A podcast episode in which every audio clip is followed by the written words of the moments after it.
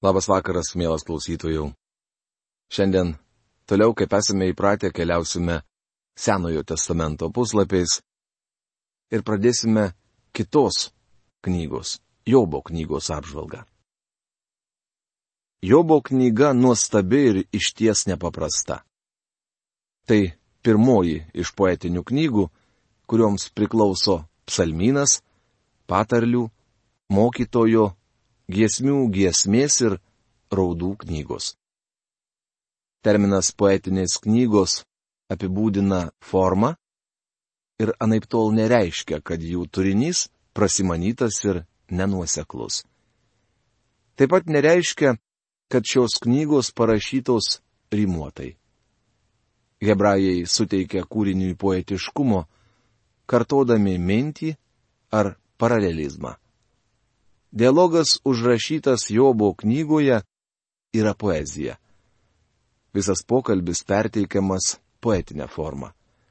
Jei jums kada teko skaityti Homero Iliadą ir Odisėją, tai žinote, kad minėtieji kūriniai yra šios hebrajiškos formos pavyzdys pasaulietinėje literatūroje. Jobo knygos autorius nežinomas. Manoma, kad ją parašė Mozė. Dar kiti šios knygos autorystę priskiria Ezrai, Saliamonui, pačiam Jobui ir Elihuvui. Elihuvas, kurio vardas bus minimas Jobo knygoje, buvo vienas iš nevykusių Jobo guodėjų. Nuomonė, kad Elihuvas gali būti šios knygos autorius, grindžiama 32 skyriaus 16-17 eilutėmis. Laukiau, kol jie liovėsi kalbėti, kol baigė ir nieko daugiau nebeatsakė. Dabar atvirai pasakysiu savo nuomonę ir pareikščiau, ką žinau. Tai netiesioginė kalba, kurią autorius išreiškia savo mintis pirmojų asmenių. Vėliau dialogas atsinaujina ir prabyla Elihuvas. Dėl to daroma prielaida, jog jis gali būti šios knygos autorius. Dar įdomu tai, kad mes nežinome, kokiu laikotarpiu ir kur gyveno Jobas. Taip, mums sakoma, jog šis vyras gyveno Uco šalyje. Bet kur buvo toji šalis? Mes negalime nurodyti konkrečios geografinės vietovės. Įdomu, kad laikas ir vieta vaidinantys tokį svarbų vaidmenį kitose knygose. Čia visiškai neatskleisti. Maničiau, kad Jobo knyga buvo parašyta patriarchų laikotarpiu. Greičiausiai šis vyras pažinojo Jokūbą. Jobo knygoje visai neužsimenama apie Mozės įstatymą, nei apie įvykius aprašytus išėjimo knygoje. Panašu, jog tai rodo, kad ši knyga buvo parašyta prieš Izraelio išėjimą iš Egipto. Prielaida, jog Jobas gyveno patriarchų laikais, galima daryti remiantis šiais argumentais. Pirmasis - ilgas Jobo gyvenimas. Paskui Jobas gyveno 140 metų, matė savo sūnus ir savo vaikaičius iki ketvirtos kartos. Pertekęs metų Jobas mirė žiloje senatvėje. Rašoma Jobo knygos 42 skyriaus 16-17 eilutėse. Mes žinome, kad patriarchų laikai žmonės gyvendavo ilgai, panašiai kaip Jobas. Antrasis Jobas savo šeimoje atstojo vyriausiai kunigą. Kadangi šioje knygoje iš viso neužsimenama apie Izraelio vaikus ar bet kokią kitą kunigiją, matyt, Jobas gyveno, kuomet viso to dar nebuvo. Trečiasis. Elifazas buvo vyriausio Ezavo sūnaus palikuonis. Štai Ezavo sūnų vardai Ezavo žmonos Ados sūnus Elifazas, Ezavo žmonos Basmatos sūnus Revelis. Rašoma pradžios knygos 36 skyriaus 10 eilutėje. Taigi atrodytų, kad Jobas buvo Jokūbo amžininkas. Ši knyga yra puikus filosofinis veikalas. Joje iškeliama daug problematiškų klausimų ir juos atsakoma. Pirma. Jobo knygoje keliamas klausimas, kodėl teisusis kenčia. Turiu pasakyti, kad čia atskleidžiama tik viena iš priežasčių, kodėl kenčia teisų žmonės. Nemanau, kad tai pagrindinis dalykas, ko mokoma šioje knygoje, nors būtent taip atrodo daugeliui Biblijos tyrinėtojų. Antra. Jobo knygoje parodoma, kaip šietonas šmeižia žmoniją. Trečia. Ši knyga padeda Jobui pamatyti save. Ketvirta. Jobo knyga moko kantrybės. Jokūbas sakė, jūs girdėjote apie Jobo ištvermę. Rašoma Jokūbo laiško penktos skyriaus vienuoliktoje eilutėje. Ar Jobas buvo kantrus? Atvirai kalbant, man sunku suprasti, kaip jis galėjo būti toks kantrus. Pamatysime tai, kai prieisime knygos galą. Ir penkta, manau, pagrindinis Jobo knygos tikslas - išmokyti atgailos. Jei su manimi nesutinkate, palaukite, kol išnagrinėsime visą knygą, o tuomet galėsite daryti savo išvadas. Matote, kalbėdami arba rašydami apie atgailą, žmonės visuomet pasirenka personažą su nuodėminga praeitimi. Pavyzdžiui, jie papasakos apie patį bėdėviškiausią judo karalių Manasą. Mes kalbėjome apie šį vyrą studijuodami istorinės Senojo testamento knygas ir matėme, kad jis atgailavo. Tokia atgaila mums patinka. Saulis iš Tarso kitados buvo didžiausias viešpaties Jėzaus Kristaus priešas, tačiau atsivertė Pranciškus Asižėtis iki atsivertimo buvo pasileidęs didikas. O Džeris Makaulis prasigėręs valkatą. Dievas neišsirinko tokio žmogaus, kad per jį pamokytų apie atgailą. Nors galėjo.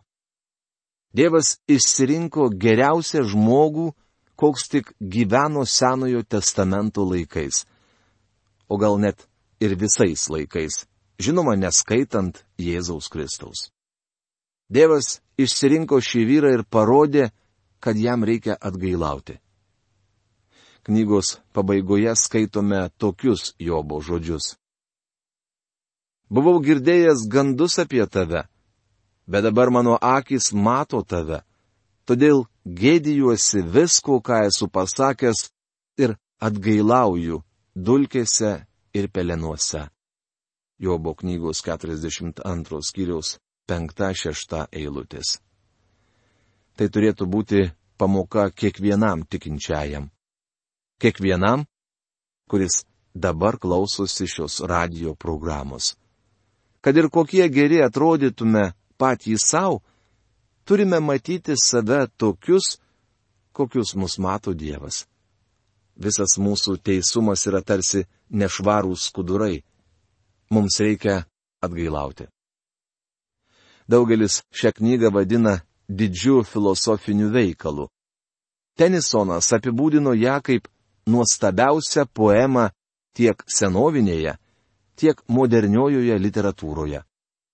Škotų filosofas Tomas Carlylas apie Jobo knygą yra pasakęs. Tai pats nuostabiausias iš visų plunksna rašytų veikalų. Pasak Martino Liuterio, ji kilnesnė ir nuostabesnė už visas kitas šventojo rašto knygas. O daktaras Murhedas teigia, Jobo knyga viena iš kilniausių iki mūsų laikų išlikusių poemų. Neįliuota Jobo knygos dalis yra stulbinanti drama apie dangų ir žemę. Tai nereiškia, kad jį prasimanyta.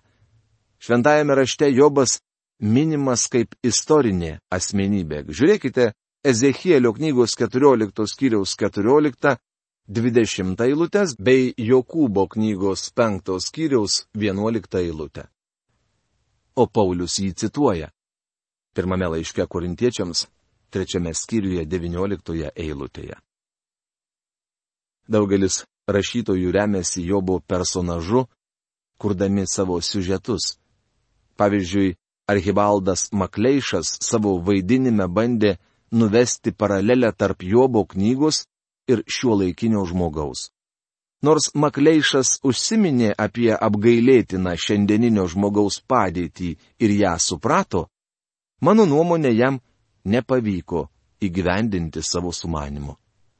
Man atrodo, kad vaidinimo kuriejas nedaug tai žinojo apie Jobą ir šios knygos tikslą. Jis užsimena apie nusivylimą ir viltį, kurią šiandien gali turėti žmogus, Tačiau čia paralelė ir nutrūksta.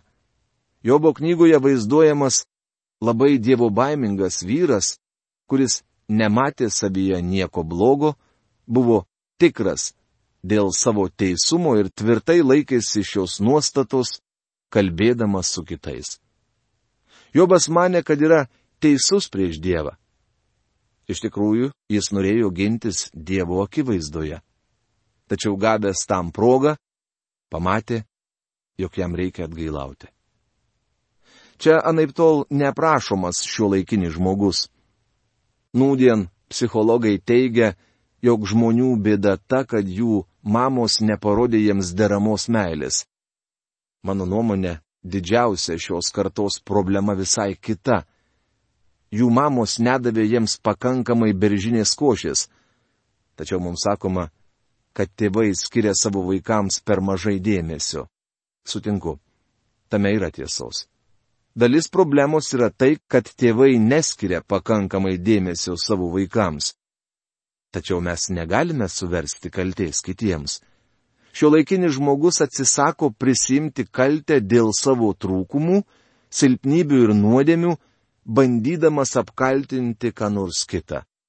Jis nenori prisimti atsakomybės už save ir savo veiksmus. Tačiau Kristus prisėmė visas mūsų nuodėmes.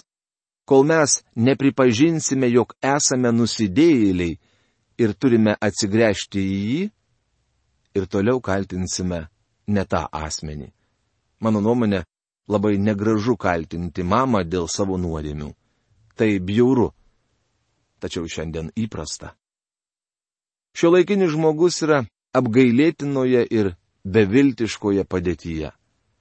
Kaltę dėl savo nuodėmių jis verčia kitiems ir niekur negali rasti taip trokštamos paguodos. Dar daugiau, jis pasineria į materializmą ir pasaulietiškumą. Žinojau vyrą, kuris prie savo lovos galvų galio buvo įsirengęs gal kokius 25 mygtukus. Tokiu būdu Neatsikėlęs iš lovos jis galėjo įjungti šviesas ne tik visame name, bet ir verandoje, paskambinti varpeliu, atidaryti ir uždaryti duris ir dar daug kitų dalykų. Nieko panašaus nebuvau matęs. Minėtasis vyras vadino tai saugumo garantija. Ta pati darome ir mes. Kiekvienas iš mūsų turime taip vadinamą saugę antklodę ir į ją įsisupame.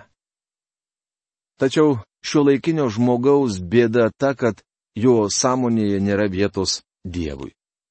Jis nežino, jog yra gelbėtojas, į kurį jis gali kreiptis. To jis ir skiriasi nuo Jobo. Jobas tvirtai žinojo, kad yra Dievas ir juo pasitikėjo. Pamatysime, jog Dievas įkiš šį vyrą į mėsmalę ir galiausiai susitiks su juo akis į akį. Dievas atimė iš Jobo viską, kuo šis galėjo pasitikėti, kad pritrauktų jį prie savęs.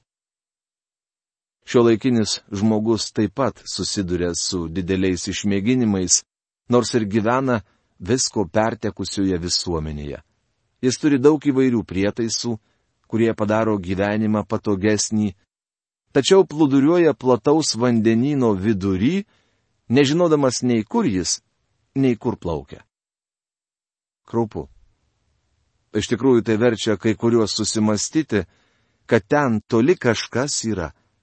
Vienoje iš nūdien atliekamų dainų sakoma, paduok ranką žmogui iš Galilėjos. Tai jau gana arti tikslo, tačiau esmė visgi neatskleista. Šio laikinis žmogus turi ateiti pas Kristų kaip nusidėjėlis ir priimti jį kaip gelbėtoją. Šiandien daug kalbama apie pasišventimą. Beje, ką jūs vadinate pasišventimu? Negalite vien kartoti viešpatė, viešpatė ir tikėtis, kad jis bus jūsų viešpats ir mokytojas. Visų pirma, jis turi tapti jūsų gelbėtoju. Jėzus Kristus numirė už jūs. Jei nepriimate jo kaip to, kuris paukojo savo gyvybę ant kryžiaus už jūsų nuodėmės, nepriimate jo visai.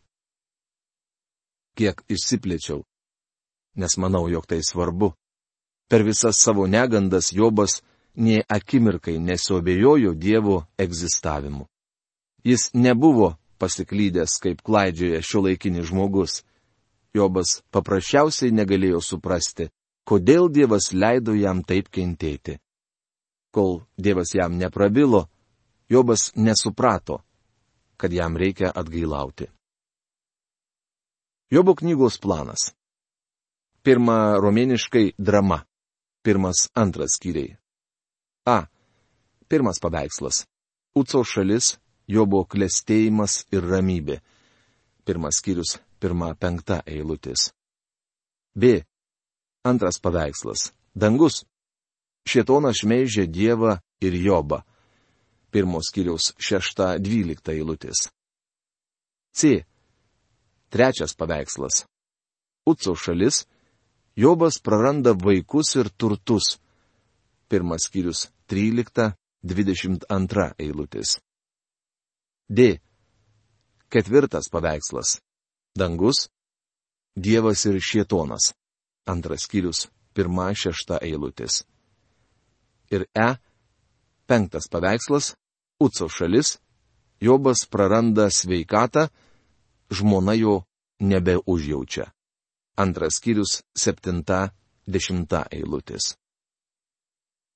Antra romėniškai dialogas. Antras skyrius vienuolikta, keturiasdešimt antras skyrius šešta eilutės. A. Šeštas paveikslas. Miesto savartynas. Antras skyrius vienuolikta, 37 skyrius 24 eilutės. Pirma. Draugai nesupranta Jobo. Antras skyrius 11-13 eilutės. Antra. Jobas prieš Elifazą, Bildadą ir Cofarą. Trečias skyrius 1, 32 skyrius 1 eilutės. Trečia. Jobas prieš Elihuvą. 32 skyriaus 2, 37 skyriaus 24 eilutės. B. Septintas paveikslas - Jehova prieš Jobą. 38 skyriaus 1, 42 skyriaus 6 eilutės. Trečia romėniškai - epilogas. 42 skyriaus 7, 17 eilutės. Aštuntas paveikslas Uco šalis, Dievas dvigubai palaimina Jobą. Jobo knyga - pirmas skyrius. Tema - drama danguje ir žemėje. Uco šalis. Kadaise Uco šalyje gyveno žmogus vardu Jobas. Ta žmogus buvo be priekaištų ir doras, dievo baimingas ir besišalinantis piktą. Jobo knygos pirmos skyriaus pirmą eilutę. Uco šalis buvo kažkur vidurio rytuose, tačiau nieko konkretesnio apie ją nežinoma. Istorikas Jozefas padeda mums susidaryti šiokį tokį vaizdą, kur galėjo būti minėtasis kraštas. Iš pradžios knygos 10 skyriaus 22-23 eilučių sužinome, kad Ucas buvo Semo sūnaus Aramo palikuonis. Taip pat pradžios knygos 22 skyriaus 20-21 eilutėse skaitome, kad Abraomo brolis Nahoras savo pirmagimį pavadino Ucu. Jozefas teigia, kad Ucas įkūrė senąjį Damasko miestą. Iš tikrųjų, Damaskas yra seniausias miestas, kuriame nuolat gyveno žmonės. Taigi manau, galime sakyti, kad Jobas gyveno kažkur Aramo arba Sirijos dykumoje. Į tą pačią dykumą viešpats siuntė apaštalą Paulių įgyti taip vadinamo daktaro laipsnio. Ten Dievas mokė ir drausmino daugelį savo vyrų. Bičiuli, jūsų ir mano Uco šalis gali būti skirtingose geografinėse vietose. Iš tikrųjų, ji gali būti bet kurioje pasaulio dalyje. Ne tai svarbiausia. Svarbiausia, kad ten Dievas nori mus kai ko išmokyti. Mums sakoma, kad Jobas buvo be priekaištų. Ką reiškia žodžiai be priekaištų arba, kaip skaitome kitose Biblijos vertimuose, tobulas, nepeiktinas. Jobo santykiai su Dievu buvo nepeiktini ta prasme, kad jis uoliai aukojo aukas, kaip pamatysime penktoje eilutėje. Anomis dienomis buvo atnašaujamos deginamosios aukos. Taip pat sakoma, kad Jobas bijojo Dievo. Šis vyras aiškiai suvokė Dievo didybę ir šventumą, todėl nekentė to, kas pikta. Kaip matote, Jobas skiriasi nuo šio laikinio žmogaus, kuris visiškai nepažįsta Dievo. Jam buvo gimę septyni sūnus ir trys dukterys. Jis turėjo septynis tūkstančius avių, tris tūkstančius kupranugarių, penkis šimtus jungų jaučių, penkis šimtus asilių ir labai didelę samdytą šeimyną. Ta žmogus buvo labiau pasiturintis negu bet kas kitas rytuose. Jobo knygos pirmos skyriaus antra trečia eilutės. Jobas turėjo dešimt vaikų. Šis vyras buvo be galo turtingas, tad visa jo šeima gyveno prabangiai ir patogiai. Jis turėjo daugiau negu pakankamai kelioninių kupranugarių. Matyt, užsiemė transporto paslaugų verslu. Taip pat turėjo asilių, kurių pienas anomis dienomis buvo laikomas tikrų delikatesu.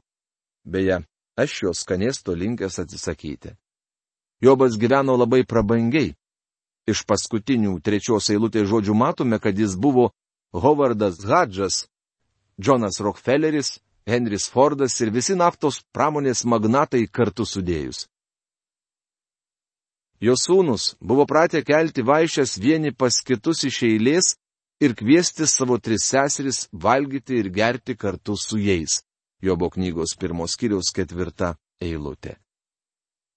Jie gyveno tikrai labai prašmatniai ir patogiai, bet pastebėkite, kad net tokiame pertekliuje ir gerovėje Jobas jautė baimę. Pasibaigus vienam vaišių dienų ratui, Jobas susikviesdavo juos pas save ir pašventindavo atsikėlęs anksti rytą ir atnašaudamas deginamąją auką už kiekvieną skyrium. Mat Jobas sakydavo savo, galbūt mano vaikai nusidėjo ir pikžodžiavo Dievui savo širdyje. Taip Jobas elgdavosi visuomet. Jobo knygos pirmos skyriaus penkta eilutė. Mane stebina tai, kad Jobas nematė reikalo atnašauti aukos už save. Jis galvojo esas teisus Dievo akivaizdoje. Jobas varstė, Galbūt mano sūnus ir dukteris nėra taip arti Dievo, kaip turėtų būti. Ir todėl atnašavo už juos aukas. Jis buvo vyriausiasis kunigas savo šeimoje. To baigėsi pirmasis be galo spalvingas paveikslas, kuriame matome turtingą vyrą, kartu su savo gausia šeima besimėgaujantį ramybę ir gyvenimo pilnatvę. Tačiau dėl vieno dalyko Jobas jautė baimę. Tai baimė, kurią šiandien dėl savo sunų ir dukterų jaučia daugelis tėvų. Jobas suvokė, kad savo jėgomis negali išspręsti šios problemos, todėl ėjo pas Dievą. Bičiuli, nūdien daugelis tėvų raunasi plaukus dėl to, kad jų sunus ar dukra paliko namus ir pateko į didelę bėdą, galbūt net įklimpo į narkomanijos liūną. Dauguma iš šių gimdytojų patys niekada nebuvo atėję pas Dievą kaip Jobas. Todėl jie ir toliau nešiojasi savo problemas, kurių negali spręsti. Jobas žinojo, kur kreiptis, kai apima baimė. Jis atnašavo deginamasias aukas už savo vaikus. Deginamoji atnaša simbolizuoja Kristų. Jobas buvo Dievo vyras. Vienas klausytojų šiai dienai mūsų laidai skirtas laikas baigėsi. Todėl šios skyriaus apžvalgą pratesime kitoje laidoje. Iki malonaus sustikimo. Sudė.